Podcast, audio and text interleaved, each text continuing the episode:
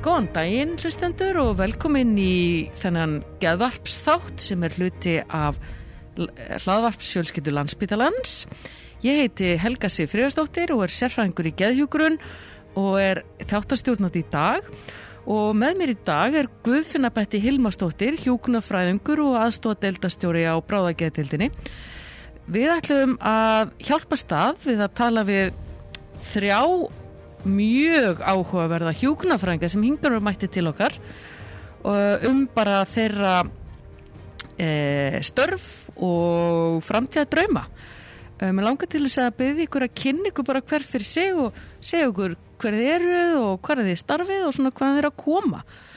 E, má ég byrja hérna á fyrr?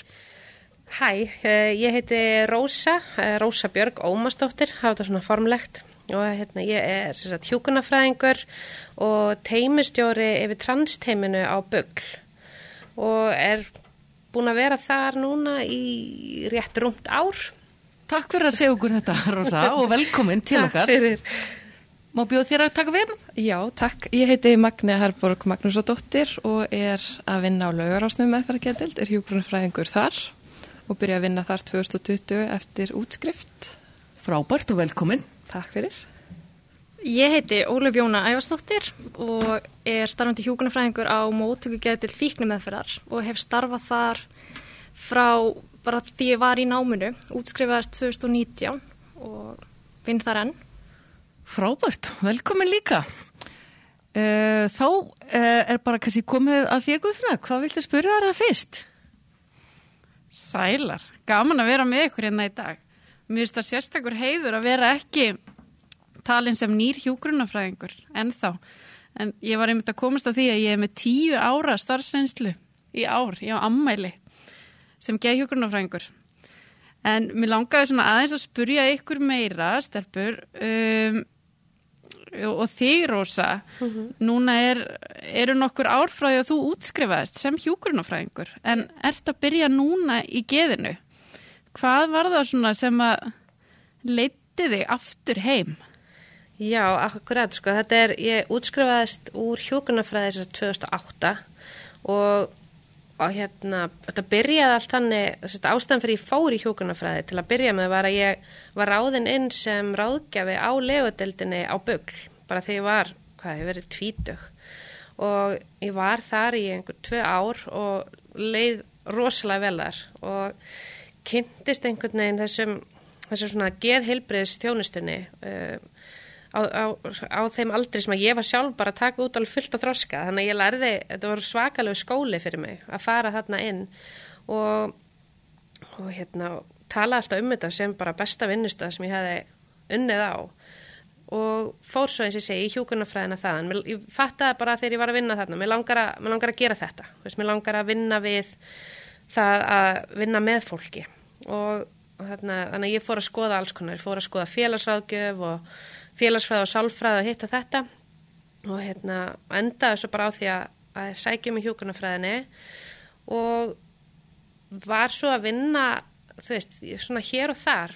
Byrjaði á bráðamáttökuna sín tíma og var þar í náminu og held aðeins áfram. Fór svo í heimahjógrun og, og, og já, gerði, gerði alls konar þetta heima fluttið til Dammerkur um, þegar að kreppan góða kom á sínum tíma og hérna vann þar á krabbaminnstild og hætti svo að vinna við hjókunarfræði smá tíma. Fór bara að kenna söng og vinna sér söngkona og larði að vera söngkennari ákveði að gera eitthvað allt annað og gerði það hérna, í alveg nokkur ár og er ennþá svo sem að því, er ekki tætt og hérna, svo kemur uh, kemur COVID og þá þetta breytist allt aftur ég er svona að vinna með þessa svona alþjóðlega, eða þú veist þessa svona kreppurinn að heima þá, þá breytist það mynd allt, þú veist maður að endur skoða og það var búið að blunda lengi maður að sækja um í fjölskyldumöðferð í endumöndun fara í diplomanámi þar. Þannig að ég skelli mér í það bara nú komið tíma til að fara í nám aftur. Og þar sagt, bara vatt þetta upp á sig mjög fljótt sko. kynntist að þetta fylgta fólki þar sem er að vinna innan hérna, kervisins, sko, innan geðhelbreðs kervisins og, hérna, og þar var til dæmis einn sem bara náði mér uh, stakk upp að þessu, stakk upp að því strax bara herðu, það er laust aðeins í transteimin á að þú vilt sækjum og ég bara gerði það og já, og er aftur komin heim, heim á bugl Vá, en áhugavert. Þannig að það var geð hjúgrun sem svona dróði í hjúgrunna námið og síðan ferði alveg um víðan völl og endar svo geð hjúgrun. Já, Og heldur þú sért ekki bara komin til að vera. ég, mér líður þannig þú veist, ég, ég held ég hafi svona mér vissi þetta einhvern veginn alltaf frá byrjun en þú veist, það var bara svona ímislegt sem maður langaði til að prófa og mjög reynsla, öll reynslan var góð, þú veist, ég búin að læra fullt á öllu þessu flakki þannig að mér finnst ég einhvern veginn núna þegar ég er komin aftur svona heim að hef ég hef ég úr alls konar að móða þú veist, þannig að en að mörgu leiti er ég þetta aftur einhvern veginn splumpin í þú veist, þannig að þetta er, þetta er jú, þetta er mjög skemmtilegt sko, að vera komin aftur heim ég held að ég sé lí- já, mér líður eins og ég sé bara að fara að vera hérna sko Já, frábært. Þau hæppin að hafa fengið þig. Hmm. Ég meina, það er um svo áhugavert af hverju við allar förum í hjúgrunafræði. Þannig að mér langar svo að spurja þig, Magnea, hvers vegna ákast þú nú að fara í hjúgrunafræði upphaflega? Já, sko, þetta byrjaði svolítið hjá mér þegar ég var í MH. Þá tók ég sálfræði áfanga og mér fannst geðsjúkdóma svo áhugaverður og þá einhvern veginn fekk ég áhugan fyrir þeim og tók bara alla áfanga, hann að sálfræði áfanga sem að ég bóði voru. Svo sem sagt um sumarið eftir útskrift fór ég að vinna sem rítari á mótugugeðdild og, og svo um haustið sem ráðgjafi og þá fekk ég einhvern veginn bara ennþá meira áhuga. Og svo vissi ég það að ég tók mig hann áspásu eftir námið að mér langaði að fara í háskólanám. Og ég var að mynda að skoða hvað var í bóði og hjúgrunin heitlaði mig sérstaklega út af, mér fannst hjúgrunfræðin opna svo margar dyr, það var svo margi möguleikar og einmitt mér hefur alltaf fundist spítal eins og forvitinlegt umhverfi og að fá svona tækifæri til að prófa bara marga staði, fara í verknám og svona. Þannig ég ákvað, ákvað þannig að fara í hjúgrun og svo í náminu náttúrulega prófa maður ímislegt, mörg svið. Og hérna svo fór ég í geðkursin og þá fekk ég ennþá meira áhuga, fór að vinna á öðrum deildum en geðið einhvern veginn tókaði mig alltaf svolítið til sín, ég vissi að mér langaði alltaf að fara aftur þangað. Og svo fór ég verknám sem sett á laugarásin á þriðja ári og var þar í þrjár vikur og ég heitlaðist heitlaðist alveg af starfseminni þar. Með þetta ótrúlega áhugavert starf í gangi. Þannig að ég ákvaða að sækja um eftir útskrift þar. Og ég mitt geðhjókurinn er líka svo ótrúlega fjölbreytt. Það er líka hægt að velja svo mikið ma marga svona ólík, ólík svið innan geðhjókurinnar margt svo fjölbreytt þar líka. Algjörlega. Mjög áhugavert að heyra að þú hefur eiginlega farið þá í hjúgrunafræði út af geðhjúgrun og Já. svo endað bara þar. Já, í raun En og veru. gaman, dásamlegt bara. Það eru ekki alveg allir sem að vita þetta svona alveg í byrjun eða stefna.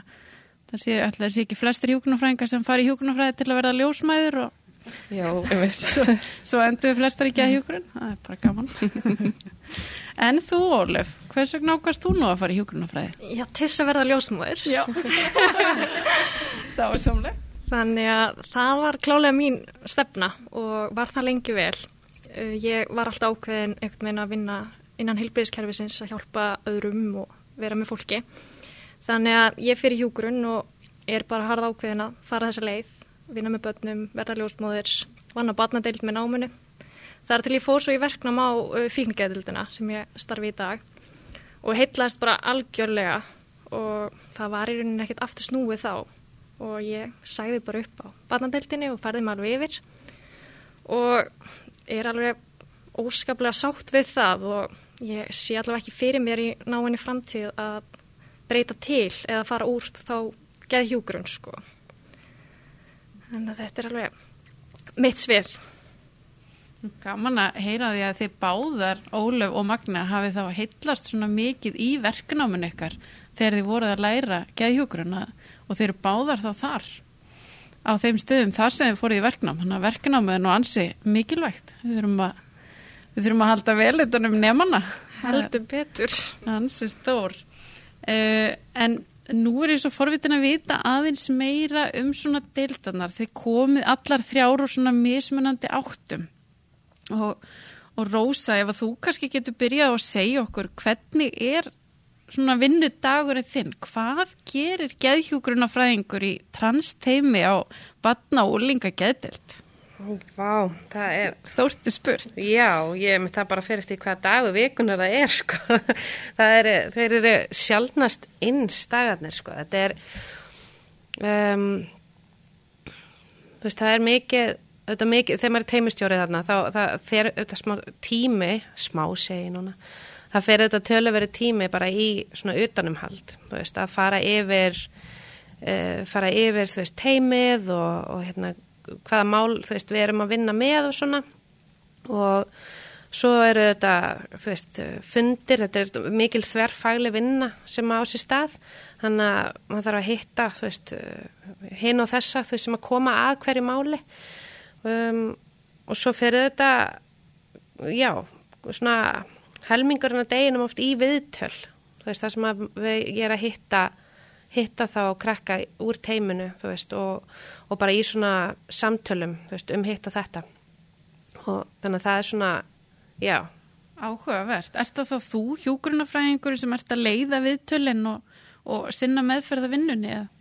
já sko í veist, í sjálfu transteiminu þú veist, það er þetta líka að vera með sálfræðinga og félagsráðgjöfa og lækna og, og þú veist, þess að ég segi mjög farlegt starfðana þannig að, en ef þau eru að koma til okkar í viðtali í transteiminu, þú veist, þá er það sagt, uh, þá er það ég og svo er sérfræðilegnir, um, svo erum við með eitt sérnámsleikni, um, svo er eitt ráðgefi líka hjá okkur uh, sem er nýlega komin inn í teimið um, og þannig að við svona erum að kannski að skipta viðtólunum á mill okkar, þú veist, og ég held ég seti svona í flestum, veist, sem er það sem þau eru að koma beint inn í transteimið. Mjög áhugavert. Það er um þetta sagt að það er alveg gífurlega mikil teimisvinna í geðþjónustunni Mm -hmm. og, og það eru þetta geðhjókurinn fræðingar bara mjög stór hlekkur Mhm. og eins og þú þarna heldur utanum þá teimið og, Já, og ert svona með utanum hald utanum þetta. Akkurat. hljómar mjög áhugavert hjá þér. og það eru, þú veist, rosa öflugir þú veist, maður er að læra af rosalega öflugir þú veist, öflugum geðhjókunarfræðingum þú veist, það er, það er alveg ég veit, man ekki alveg hvað við erum margar akkurat núna, þú veist sérstætt margir hjúkunarfræðingar að vinna á göngudeldinni um, og það er þú veist, búin að vera þarna margar hverjar í, í mörg ár og með mikla reynslu, þannig að veist, ég er aldrei ein með þetta. Þú veist, þó að þetta þú veist, eh, getur þetta vaksum eða sérstaklega í byrjun kannski. Þú veist, óks með pínu svona í augum stundum þú veist, hvernig á ég að ná að skipulega geta alltaf haldið utan um þetta og, en þú veist, þá er alltaf einhver aðna sem maður getur bara bankað upp á á næstu skrifstofi og, og fengi þú veist, handleiðslu og aðstóð og ráðgjöf, þannig að þú veist, ég, maður upplifir, að ég allavega upplifði aldrei að ég væri einhvern veginn ein með þetta eða bæri ein ábyrð á þessu öllu. Um, þannig að það er ótrúlega hjálplegt veist, að hafa, hafa aðgang og svona mikil þekkingu. Veist, þannig að maður lærir ótrúlega á því. Algjörlega, það er alveg gífurlega nöðsynlegt bara að hafa einmitt svona handleiðara og geta alltaf leita til einhvers. Og, og sérstaklega í, í geðhjúkurinn. Út af geðhjúkurinn er svo mikið að við þurfum að nota okkur sem tækið. Við getum ekki stólað á hjartalínuritið eða eitthvað annað. Þannig að við verðum að hafa einhvern annan til að grípa okkur og, og leið okkur stundum áfram. Það er Akkurat. bara næslegt, frábært. En þú, Magna, hvernig er svona, hvernig er vinnudagurinn hjá og geðhjúkunarfræðingi á laugarás? Já, um, hann getur verið mjög misjafn. Við erum að þjónusta ungt fólk með byrjandi gerfsjúkdama og erum að stærstum hluta dagdeild uh, og svo erum við með áttarúma legudeild líka. Þannig að minn dagur er ofta einmitt uh, að bóka fólk í viðtöl, hitta fólk, leggja fyrir alls konar matslista, spurningalista uh, og svo erum við sem sagt hjúkunarfræðingarnir, við skiptum að milla okkar vaktstjórnadögum og þá erum við sem sagt með svona einmitt yfir sín yfir bara deildina og, og þá einmitt líka legudeildina tökum við sjáum um alla lífegjafir, forðarlegagjafir og svona bregðumst við krísum líka ef að, ef að þess þarf. Og svo sem sagt erum við, tökum við bakvaktir líka. Það er alltaf hjúkunarfræðingar og bakvakt á kvöldin og nætuna og þá í rauninni erum við með síma og það er hægt að ringja ef eitthvað er. Stundum er það bara til dæmis ef einhver þarf aukalif eða, eða svo getur það komið fyrir að við þurfum að koma í hús að meta einstakling þannig að þetta er svona einmitt mjög fjölbreytt hverja einn dagur svolítið ólíkur Hljómar mjög skemmtilega. Já. Og, og þetta er alveg rosalega margir sem eru í þjónustu þarna á laugarásnum. Já, Ertu, ertu með tölu á því? ég er ekki með nákvæmu tölu, nei þú er kannski ekki að vera Að að gefa fram ránga, neina, allt ykkur. En, en þetta eru gífulega margir Já, er sem það. eru þarna í dagdelda þjónustu og Já, þannig að þetta er mjög umfangsmikið starf sem Já. þið þurfið að halda utanum. já, algjörlega Mjög skemmtilegt. Þannig að eins og með bakvaktinnar þessin er svo mikilvægt að vera með, svona, með góða yfirsýn yfir svona flest málinn, þekkja svolítið til eða er kannski einhver í uh, hérna veri líðan eða við vitum svona af því einmitt ef að við þurfum að bregðast við til dæmis á bakvaktum og vera með þessa góðu yfirsýn. Þannig að þá Yfir þurfið þið að að koma og grípa inn í og meta geðhag Já, og get, breytingu á. mm Já, getur einmitt komið til. já. Áhugavert. Og mjög ábyrðafullt. Mér langar kannski til að segja að hérna, bæta þarna við að margir sem eru í þjónustunni eru þá í gungudilda þjónustu í rauninni eða dagdilda þjónustu Já. þannig að þeir eru heima hjá sér. Já, stærsti hlutin einmitt. Akkurat, og Er- það er kannski ekki endilega svona sín okkar almennings á að, geð eh, heilbýrst þjónusta fari fram heima á fólki var svona vanar þessu að þú verður að leggjast inn á geðdeild og það hérna, öllum vísa frá eitthvað svona þannig að þetta er svona eh, mér langar næst ég að segja þetta er svona ákveði lindamál geðþjónustunar mm Mhm. að, að það er svo auðvelt að fara með þjónustuna til fólksins, til notandans Akkurat. og hérna, við þurfum ekki að vera að gera allt inn á deild eða inn í einhverju húsi sem að telst til geðheilbýrstjónustu. Einmitt og við erum með rosalega mikla virkni í bóði, fólk kemur einmitt í virkni og, og það er einmitt, þar hittir maður fólki, getur einmitt séð og hérna og svo einmitt þessi viðtöl, þannig að það er einmitt bara mjög flott. Það er einmitt svo að marta það sem er í gangi í geðþjónustunni og maður eiginlega bara veit maður eiginlega veit bara svo lítið þó að maður sé búin að vinna þarna í, í meirin tíu ár. Þannig að maður þarf eiginlega að vera duglegri að, að hoppa á milli og, og koma í heimsókn og fá að kíkja á ykkur.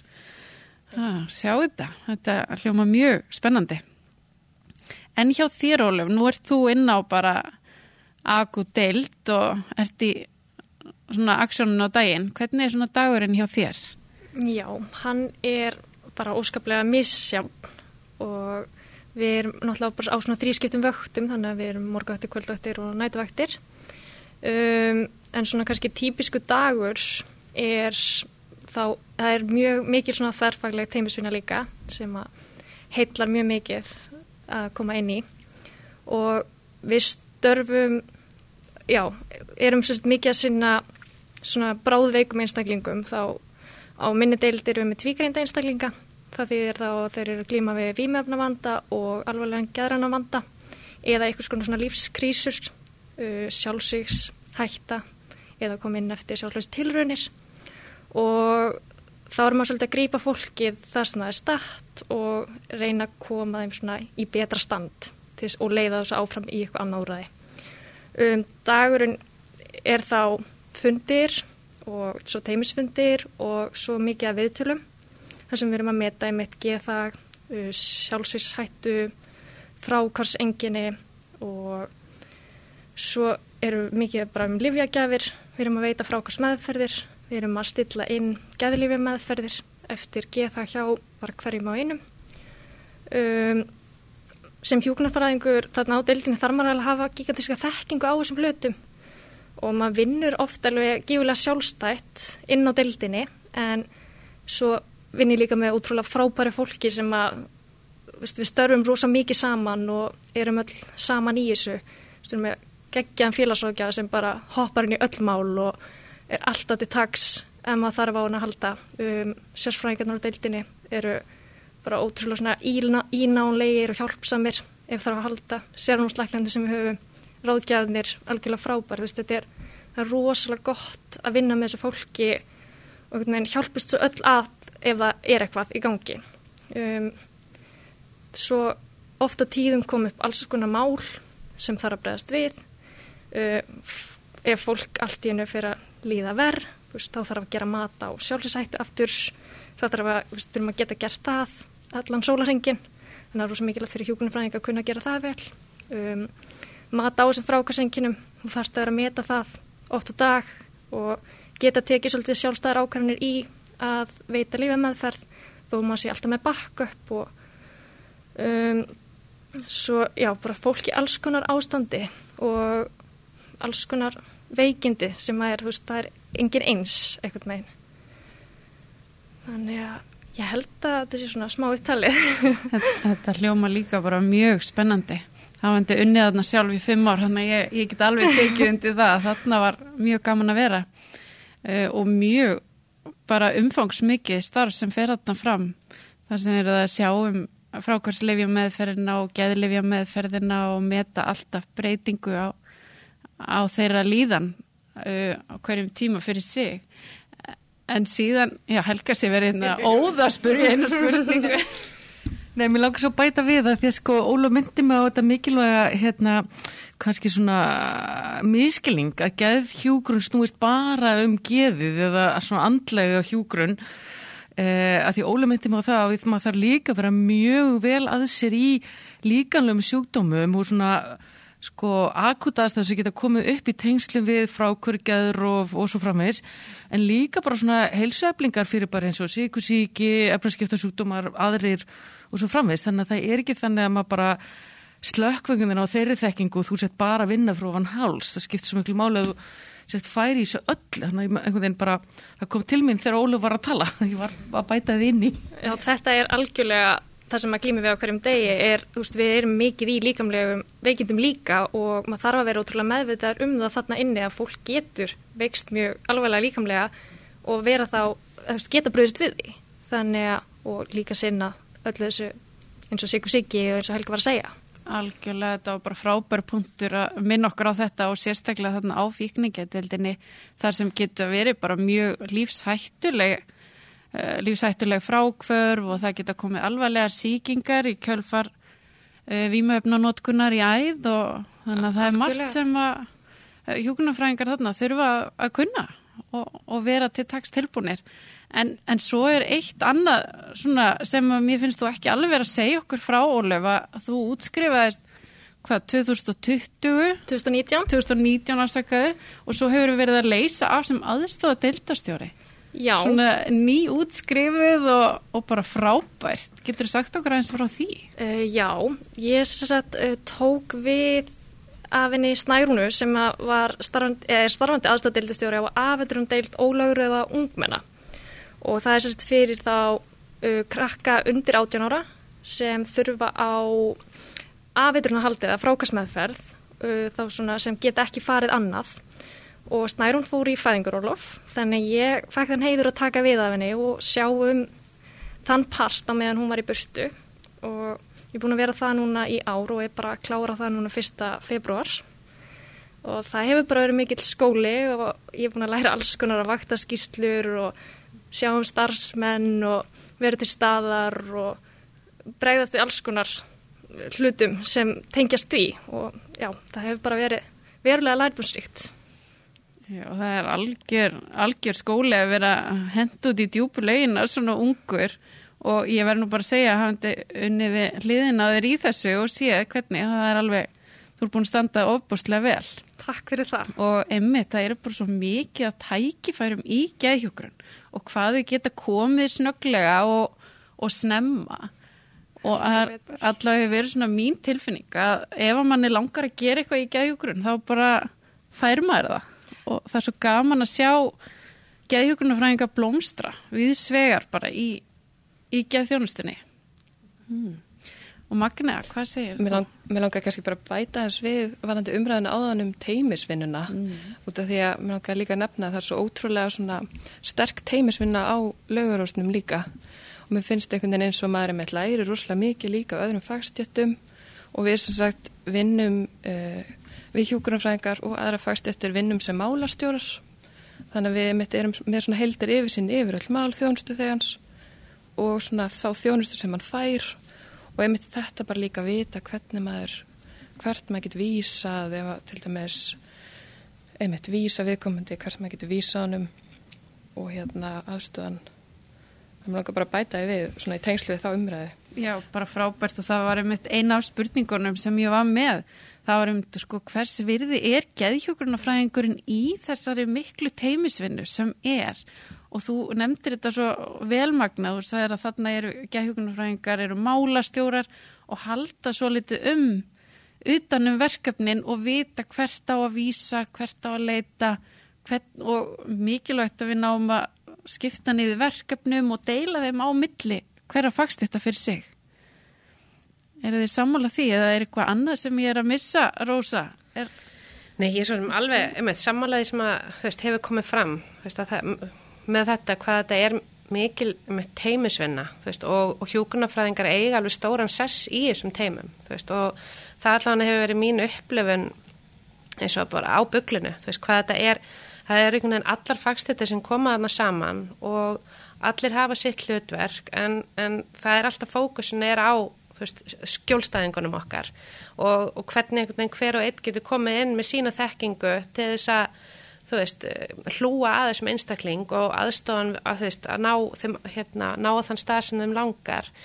Og hjókunarfræðingarnir einhvern veginn ég veit ekki, partur á náminn okkar ég veit ekki, náttúrulega þekk ekki ná, náminn hjá öllum en maður læri svo mikið inn á um eitt verkefnastjórn og, og svona tímastjórn og svona að þetta delegata veist, verkefnum. Og einhvern veginn að samhæfa oft samhæfa einhvern veginn meðferðina þannig að það sé, veist, maður er búin að taka úr öllum áttum sko. Þannig að og mér finnst, einmitt, ég var myndið að líta bara að lista núna því ég myndi ekki hvað að vera margar, eða mörg hérna, sem varum að vinna við tjúkunafræði á bygglinu og það eru réttur og svona um 20 hjúkunafræðingar sem, sem eru þá að legudildinni og göngudildinni og þetta vinna, vinnum oft mjög náið líka sko. Þannig að þetta er orðið rosa flottur hópur sem að er þarna sko.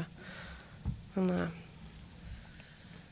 Mér finnst þetta svo ótrúlega mikilvæg umræð sem við erum komin í að því að, að sko kannski hjúgrun sem bara fræðigrein er í öðlisínu sko applied science þannig að við erum að taka uh, þekkingur okkar að setja hana saman úr lífsál félagsvísindum mm. sem að kannski gera það verkum að sem sko fagstjætt að þá eru við einstaklega vel til þess fallin að halda með utanum sko heldar heldræna þjónustu fyrir skjólstækjun okkar alveg bara frá lífælisfræðilum þörfum yfir í sál, félags menningu, fjölskyld og svo framvegs þannig að þetta skiptir svo miklu máli að við erum ekki kannski með uh, allavega glerun okkar. Það er svo mikil margbreytilegi í rauninni Linsson sem við erum að horfa í gegnum. Og þetta skiptir svo miklu máli og það er mín staðfast að trú eins og ykkar að, að hjúgrunar fræðingar eru sérstaklega vel til þess fallin að, að vera málastjórar og eða hérna ég er svo sem hef, mér uppsafið þetta orð en allavega haldu utanum og leiða og, og hjálpa einstaklega að fá það þjónustu sem það þarf að fá mm -hmm. á hverjum tíma. Mér langar kannski að bæta inn í varandi þetta og teimisvinnu og hvað hjúgrunarfræðingar gera í teimunum er Eh, mér finnst oft svolítið svona þunn eða sko með að við aðrar svona deildar þó ég sé ekki búin að vinna lengi en þá ertu með þín verkefni á svona ekki innan geðurstunum heldur á öðrum deildum. Ertu með þín verkefni og þú vinnur svolítið út frá því og ert ekki að fara yfir einhver ákveðna línu. En á geðurstunum finnst mér þetta meira svona uh, dansandi þú veist, þú gerir það sem þú þarft að gera og þú ferð alveg yfir í okkar önnur verkefni. Og þú þarft þess þó það sé titla sem læknir á að gera þetta eða ráðgjafi á að gera þetta eða þú veist, félagsráðgjafi, eitthvað svona þú ert í einhvern veginn, getur gert allt og ferð í það sko. Og ég held um þetta sko hjúgrana námið sjálfur sér, þá einhvern veginn er okkur svolítið til einhver þetta þessi hildar sín, einhvern veginn að svona, já, einmitt eins og þú ert að lýsa. Mm -hmm, Algjörlega. Þessi heldar sín og, og að vera málsvari einmitt bara mhm. sjúklingsins eða einstaklingsins hvort sem það er úti í samfélaginu eða, eða inn á spítala þá erum við svona, við erum málsvari þeirra. Og það er sama hvaða fagstitt þarf þar að koma máli. Við svona náum að binda það saman. Algjörlega. Ekki. Eh, þessi heldræna nálgun einmitt að hvernig við horfum á þetta allt saman sem eina held Uh, mér langar síðan aðeins að fara að úti aðeins næstu sálma uh, hvað svona um ykkur sjálfar og hvaða er sem þið brennið fyrir innan geðhjókurunar. Þið eru núna komna með nokkra reynslu og svona að koma aðeins með eh, svona tilfinninguna í þetta. Eh, Einn, kannski bara stór spurning, að ef að þú Magni að myndir fá núna bara leifi frá störfum til þess að gera stóra rannsókn í geðhelbriði, hvað myndir þú vilja rannsaka? Úf, uh, einmitt, hérna, ótrúlega, einmitt, stór spurning. Sko, ég kannski veit það ekki alveg nákvæmlega, en ég veit að ég hef rosalega mikinn áhuga á geðrófsjúkdómum og að vinna með ungu fólki eins og á laugarásnum. Um, ég þurfti kannski einmitt bara að fá smá tími til að hugsa þetta, en hérna, já, Nei, það er bara ótrúlega áhugavert en það er eitthvað sem að við geðhjókunarfræðingar þurfum líka eins að spýta í lóana með, þurfum að minna okkur á vísindastarfið og þurfum að taka svolítið plást þar. Þannig að það er, uh, mér finnst það skemmtileg spurninga að henda ég út í kosmosið en ymmið, bara eins og þú segir, ungt fólk og geðrósjúkdumar, það er rosalega margt aðna sem hægt væri að, að rannsaka og, og skoða betur. Og algjörlega. það er eitthvað svona sem að þú sér fyrir því að þið langar að læra í framtíðinni eða ertu með eitthvað svona plön í náinni framtíð? Sk- Ég veit allavega, ég finn það, ég er alveg á réttri hillu og ég veit að mér langar til þess að einmitt bara efla mig ennþá frekar í þessu. Þannig að ef ég færi í frekara nám þá væri það alveg potþitt í geðhjógrunn. Þannig að hérna, já, það er svona, og ég kannski einmitt eftir að, fastmóta plönin alveg, en ég veit alveg að mér finnst ótrúlega gaman það sem ég er að gera núna og ég hef mjög mikinn áhuga á því að mitt að efla mig ennþá frekar í þessu. Og því sem ég bara læra og svo finnst mér ég mig bara að vera að læra svo margt á hverjum einstu degi bara í vinnunni. Þannig að hver einsti dagur er bara nýr dagur og, og einmitt með nýju fólki og nýjum skjólstæðingum koma alltaf með ný mál og, og þetta er mjög áhugavert og, og geður og sjúkdómar líka svo ofbóðslega uh, stórir og, og, og mismunandi á milli einstaklinga. Þannig algjörlega það er gaman. En þú Rósa, hvað er, hvað myndið þú vilja rannsaka hjá þér? Ég er meitt búin að vera bara hausin og fylli síðan og spurðir. Um, veist, ég held að akkurat núna, þú veist, ég finn alveg hvað, hvað það hefur svona kveikt einhvern veginn, þú veist, kveikt í huganum á mér að bara skipta, þú veist, að koma yfir aftur í, hérna, geðhilbreyðstjónustuna og, og, hérna, og að vinna á buklunni, þú veist, þetta er, einhvern veginn, ég finn það, ég hef áhuga orðið á öllu, þú veist, og á bukli líka þá, þú veist, það er svo mikið, það er einhvern veginn, mann hefur aðgang að svo mismunandi hópum, þú veist, ég get farið inn á legudeldina og, og gerir það stundum, þú veist, maður er, er kannski að vinna einhverju máli sem að á aðkomið þar og, og svo hérna er fjölskylduteimi og það er átröskun og það er trans og það eru almennteimi og alls konar námskeið og, og meðferðarúrræði í bóði, þú veist, þannig að þú veist, það er svo mikið af hlutum sem maður getur einhvern veginn lært og, og fengið að fá innsýnin í, þú veist, þannig að ég finn það alveg, ég, ég er svona bara rétt að byrja, en akkurat núna þá auðvitað myndi ég veist, brenni rosa fyrir hópin minn, veist, sem ég er að vinna með um, og málefni, þú veist, trans einstaklinga, þannig að ég myndi klárlega að fara út í rannsókn eitthvað á þeim hópi, veist, á líðan og, og þjónustu og, og hérna og bara hvernig, hvernig, já, hvernig þau eru að upplifa, veist, hvernig þeim líður almennt, veist, hvort sem það er í heilbreyðstjónustu eða í skólum eða í fjölskyldum og, og bara svona aðeins að skoða betur hérna, stöðuna á þeim, þú veist, hérna á Íslandi, af því að við höfum alveg, og ég er búin að vera að lesa mig til, þú veist, í erlendum rannsóknum, um, það væri rosa gott að geta einhvern veginn staðfært þetta og fengi upplýsingar um uh, hvernig, hvernig gengur okkur hérna, þú veist, og það vantar tóldi upp á þar. Þannig að eins og staðan er þá myndi ég klárlega að fara þangað og, og hérna, langar tóldi að gera það og kannski kemur að því, ég er bara að reyna að halda aftur að mér, ég áðaldi til að æða á stað og svo svona, á nei, búin að gera mikið, þannig ég er, ég er að reyna að vera skynsum og, og hérna, sína þennan þroska sem ég á að vera búin að ná, geta aðeins svona forgangsraðað. Um, en jú, það er svona, ég myndi segja að ég myndi byrja þar og svo þetta er ég líki fjölskyldu meðferð.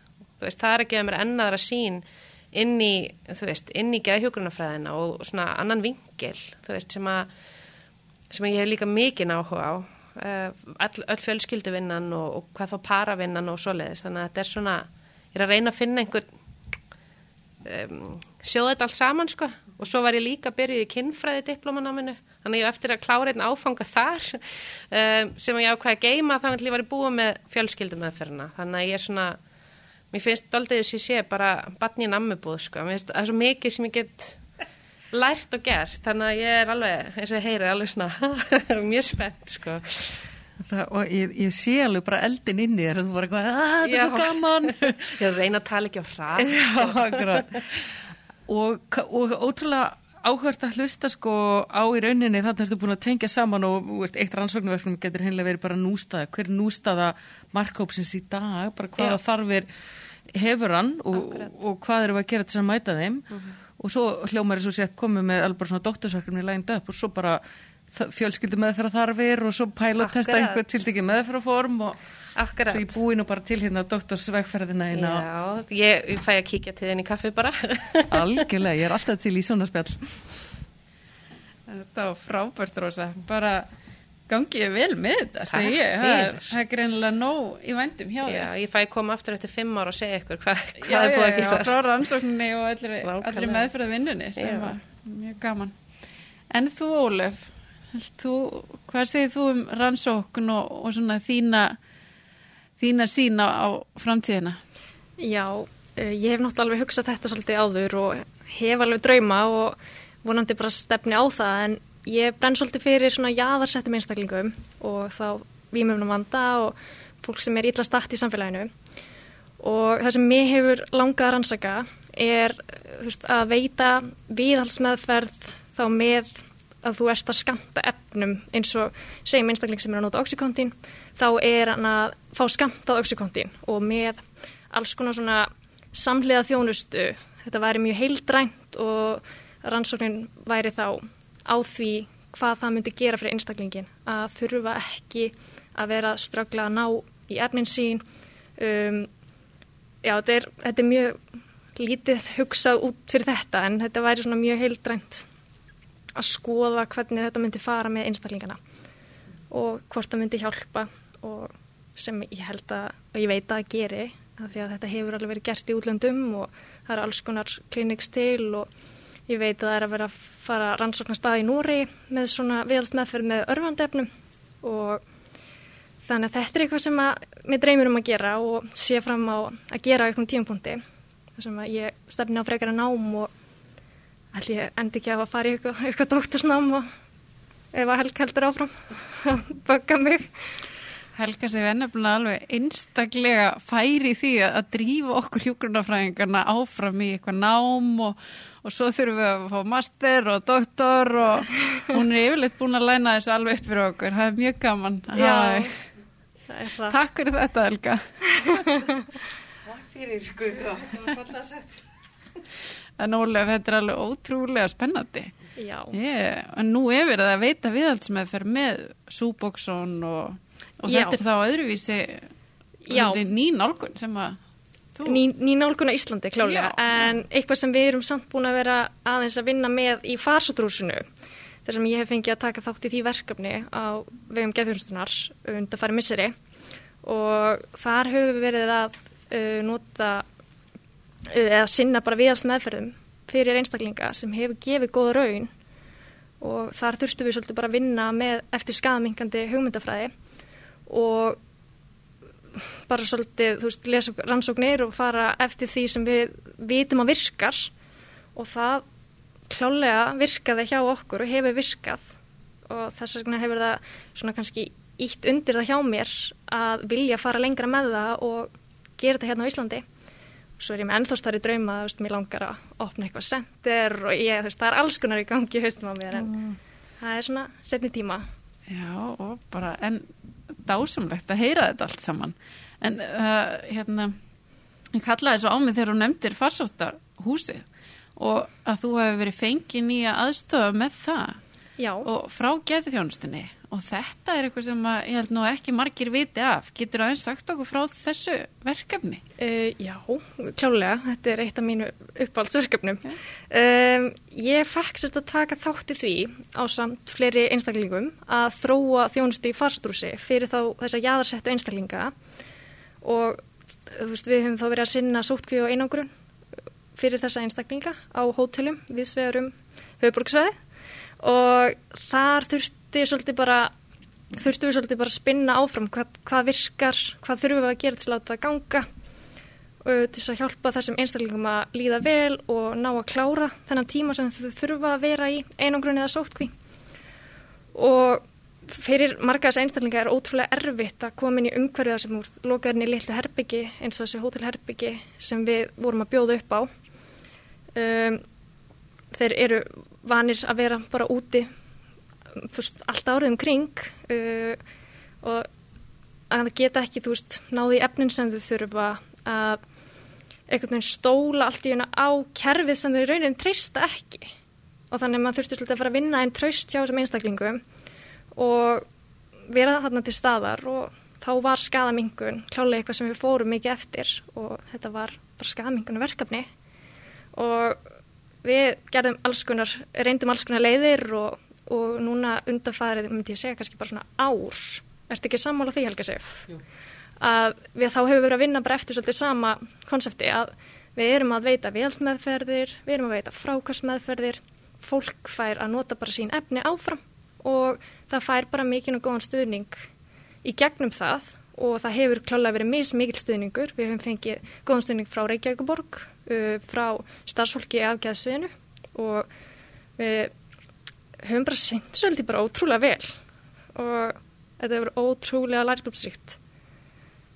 Vá, spennandi að heyra af þessu og, og að þið hefur bara verið fenginn til að aðstofa með þetta verkefni. Þetta hefur verið mjög krefjandi og, og örgulega bara mjög erfitt stundum að ymmit að vinna þetta traust eins og segir að og það er svona oft talað um í þjóðfélaginu að geðþjónustan er bara það er það er stundum ekkert alltaf jákvæð umræðan í kringum það mm -hmm. og það vantar stundum að, að bara fólk viti kannski meira og viti af þessum stóru verkefnum sem að geðþjónustan er að taka að sér eins og þetta þarna aðstofa þá í farsótturhúsinu með þennan jáðarsetta hóp og hefur verið rosalega mikilvægt algjörlega og þetta.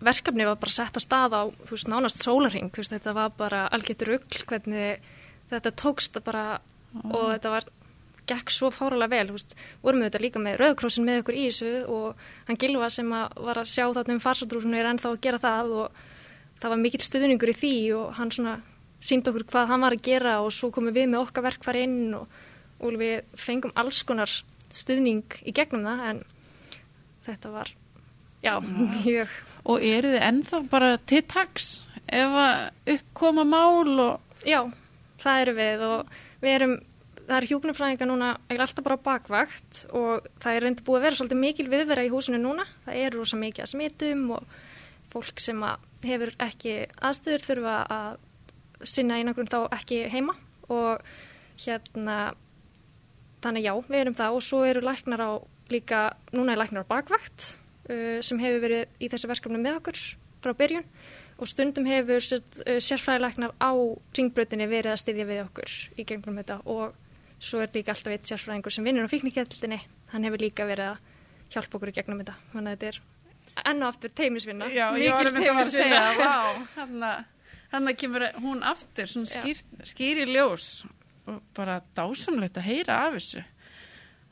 Já, hva, og ég veit að þú Helga sem hefur líka verið mjög stór partur af þessu í farsátturhúsinu Já, ég ætla nú ekki að stela trömmunni en hérna, já, ég uh, sem sérfrængur í geðhjúgrun og með áherslu á fólksöndar výmöfna þá eins og ólulísti fengum við þetta verkefni kortir í páska 2020 og í staðan verið að fyrir að sóla mig á í Portugal þá var ég í farsátturhúsinu alla páskana að hérna um, leiða þróuna og bara hvernig við þetta og, og eitthvað svona. Og þetta gerðist allt mjög hratt og Óli lísti svo ótrúlega vel að við lærðum á hverjum spretti og hverjum einstakling.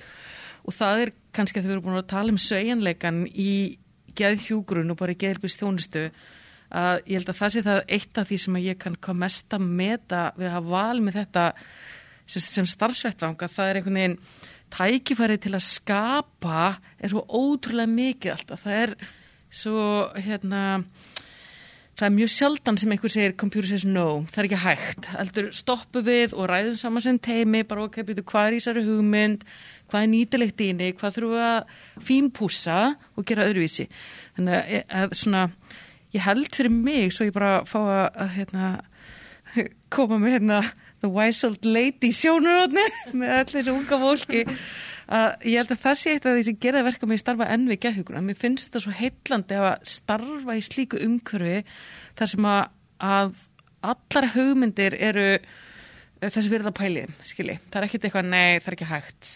Nei, við en... gerum þannig ófáum sinnum þarna í farstrúnum við settumst niður eða ringumst á og fórum yfir stöðuna og bara hvað getum við gert til þess að þetta gangi betur upp eða hvernig getum við hjálpað þessum að líða betur og það komi alltaf lausnir og það var bara magna sko. Og ótrúlega gaman að heyra af þessu og bara takk fyrir því öll það, sem hafi staðið á þessu. Þetta skiptir alveg gívarlega miklu máli bara fyrir þjóðin alla og fyrir alla þessa einstaklinga. Það er bara mjög stort og gott. Herði, ok, þá langar mig eiginlega að varpa annari svona góðri spurningu út, út af því að eins og hún er búin að nefna að geðhjókurinn er svo óbústlega viðtæk og það er svo margt að læra á hverjum einasta degja þarna og það er alltaf eitthvað nýtt að gerast og maður getur hoppa úr þessu verkefni yfir í næsta og maður getur lært nýjustu samtalstæknina og meðferðaformið og, og það er alltaf svo margt að gerast. En það er samt uh, alltaf eitthvað sem að íti manni áfram og leiðir manni áfram og, og hvetur manni áfram. Og það eru fyrirmyndir mér langar svolítið að spurja ykkur hvort að þið hafið ykkur svona flottar fyrirmyndir í gæðhjúgrun ykkur svona gæðhjúgrunna fræðinga sem hafa svolítið ítt á ykkur með kannski mismunandi já, áherslu. Hva, hvað segir þú Ólef? Já, þetta er mjög góð spurning og ég finnst eins og Helga sé að reyna að fiska rós hérna ah, en hérna ég, er að spyrja það, okay, ég bjó ekki til þessu spurninga sko En hérna, það er náttúrulega klálega helgarsif. það er klálega helgarsif sem er bara, sem, sem tóða mig áfram og læti mig vilja verða betur en hún. Þannig að það er náttúrulega stóra markmiðu.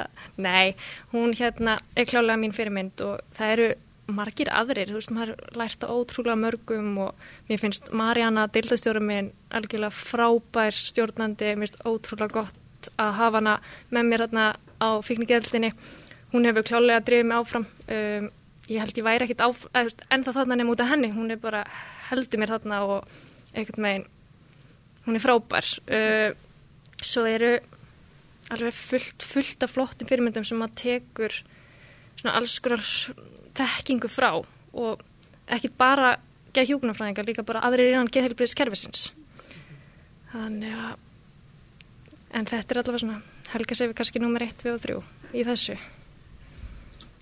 Og, og hvað er það þá svona sérstaklega í fari svo, og Marjónu? Hún segir hún sé frábær stjórnandi en, en hvað er það sem, okkur mm. nær hún að halda þér svona? Hún er náttúrulega bara svo ótrúlega góð. Hún er svo blíð og hún hlustar alltaf á mann. Uh, ef maður veist, leggur fram eitthvað þá hlustar hann á það þó það sé ekki kannski alltaf framkvæmt þá er það ekki endilega sem maður vil fá fram en það er samt svona, hún tekur mann alltaf með sér og vil heyra hvað maður hefur að segja uh, hjálpa manni að vinna úr hlutum ef maður þarf því að halda. Hún er hún er bara góð við alla og samt stendur fast á sínu og ég veit ekki alveg hvernig ég á útskriða betur sko. Hún er, já bara mjög góð lýsing á henni. Já, það ekki? En þú þóra að spurja með Helgursif inn í, inn í salunum Hva, hvað er það við hanna? Hún er alltaf bara frábær stjórnandi líka. Hún veit alltaf hvað hún á að segja. Að hlusta sem er ótrúlegt. það er ótrúlegt. Og hlusta hún að tala og þurfa að vera með henn að tala þá er maður bara, oh fuck. Nei, ég mátti ekki blóta. Jók, hérna nei, bara hlusta hún að tala og hún er alltaf að kenna manni eitthvað fáralegt og vísa manni veginn og veist, ég ringi hann alveg ófáum sinnum og spyr út í eitthvað stundum eitthvað heimskulegt og hún er alltaf með svör og reyðum höndum sko og Það er hún bara ótrúlega flott í því og sínu starfi og gerir það með sóma Algjörlega, tekundi þetta. Hmm. En þú, Rósa, hvað er, er eitthvað svona fyrirmyndir sem hafa í geðjúgrun sem hafa leitt þig áfram á batna og líka geðildinni? Eða annars það er ekki þeirbreyðis kerfinu bara? Mm, Já, náttúrulega- já, í rauninni fullt af fyrirmyndum ég, þú veist, það er mér finnst einhvern veginn allir sem að maður mætir að einhver leiti verða fyrirmynd, veist, af því ég er alltaf að læra eitthvað nýtt þú veist, þannig að um, en ég held að svo sem kannski ég er, búin, ég er búin að vera að hugsa þetta mitt, þú veist, núna uh, ég held að Vilborg Guðnadóttir, þú veist, hún var svo sem að réði mig á sínum tíma inn á bugl þegar ég var bara tvítug og þú veist, og gaf mér þetta tækifæri, þú veist, af því ég var þetta, eins og ég segi, tvítug, ég var að elstu skjólstæðingarnir voru rétt eldri en ég þarna, sko. Og, og hún varð einhvern veginn bara, mér, mér fannst hún svo geggja og, og, og finnst það ennþá. Og svo hérna kom, þú veist, mætti ég henn aftur þegar hún er að kenna þetta í fjölskyldu meðfra náminu líka. Og bara ennþá ég flott. þú veist, það er einhvern veginn ég veit ekki, ég leit bara strax upp til hennar. Veist, það, hvernig hún stjórnaði og hvernig hún sá fólk veist, og hvernig hún talaði við, við alla, það var alveg sama hvort að maður var um, þú veist, skjólstæðingur eða hjúkurnafræðingur lækni, ráðgefi, þú veist, það náði, hafði eitthvað svona lag og hefur eitthvað lag á fólki, veist, og þannig að ég alltaf, alltaf hugsa til hennar þegar kemur að, að geðhelbriði, þú veist, og, og geðhjúgrun, sko. Það er alltaf poppar Vilborg upp og hún mannur þetta örgulega ekkert eftir mér, sko.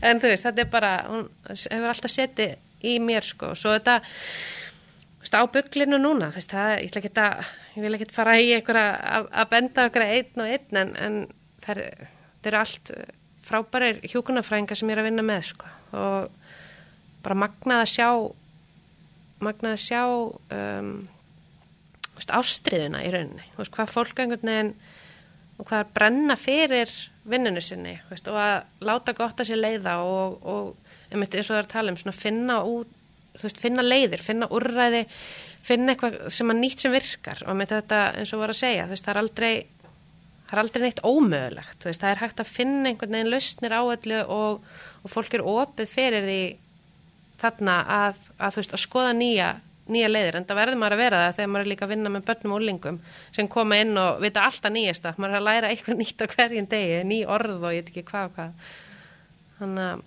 já, en jú svona kannski, svo sem poppaði fyrst upp á Vilborg, sko Já, gaman að heyra, maður hefur um þetta heyrt mikið og, og oft af henni. mm.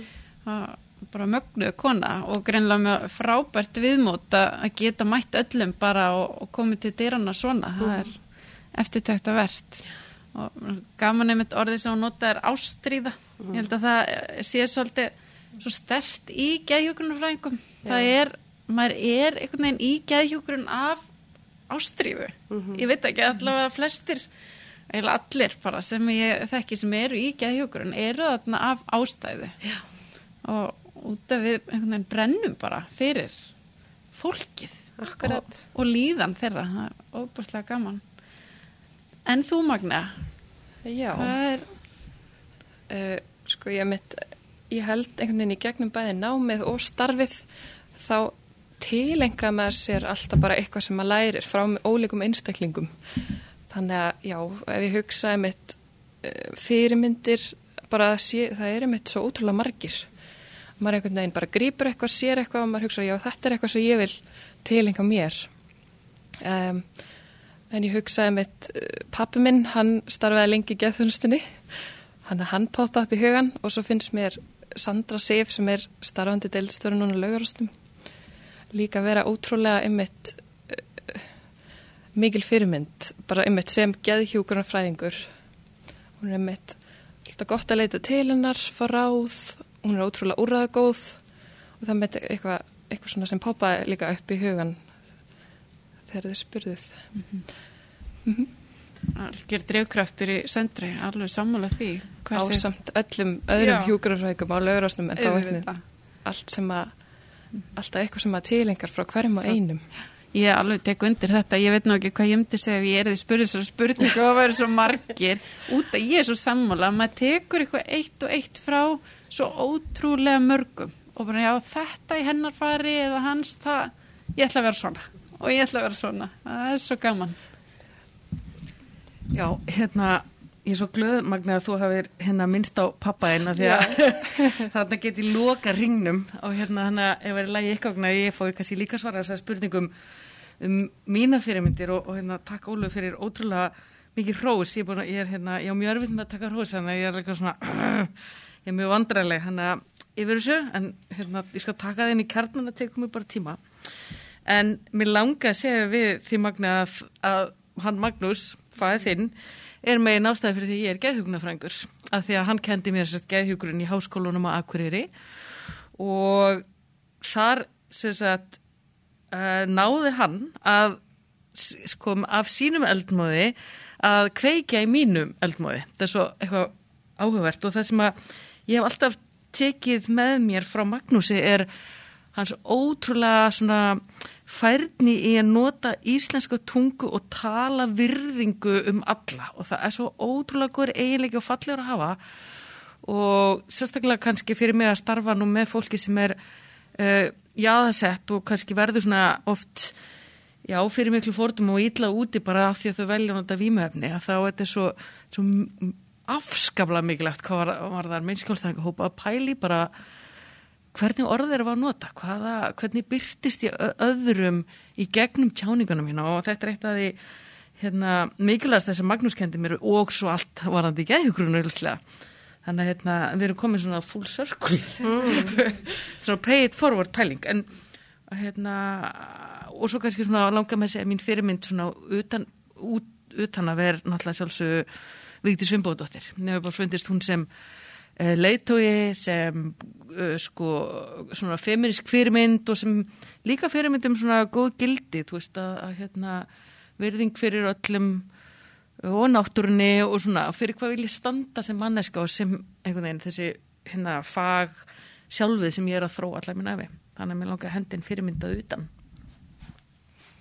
Það er mjög gott, ég tek algjörlega undir með pappaðinn, hann Magnús, hann er ótrúlega skemmtilegur maður og, og kendi mér einmitt líka mikið, þó ég hef nú ekki verið á Akureyri að læra en þá fekk ég að kynast honum eftir að ég byrjaði að starfa sem geðhjókurinn og fræðingur og hann kendi manni margt og, og einmitt bara hvað hann var alltaf gladur, og mjög gaman að honum.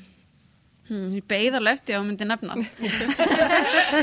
Ég var ekki viss hvort þú vildi en bara frábær Já og ó- ótrúlega gaman að að, hérna, að tala við ykkur um þetta út af því að fyrirmyndir er bara svo mikilvægar líka. Og, og gaman að að geta tilenga sér hluti sem aðri gera og, og nýtt sér það fram á við.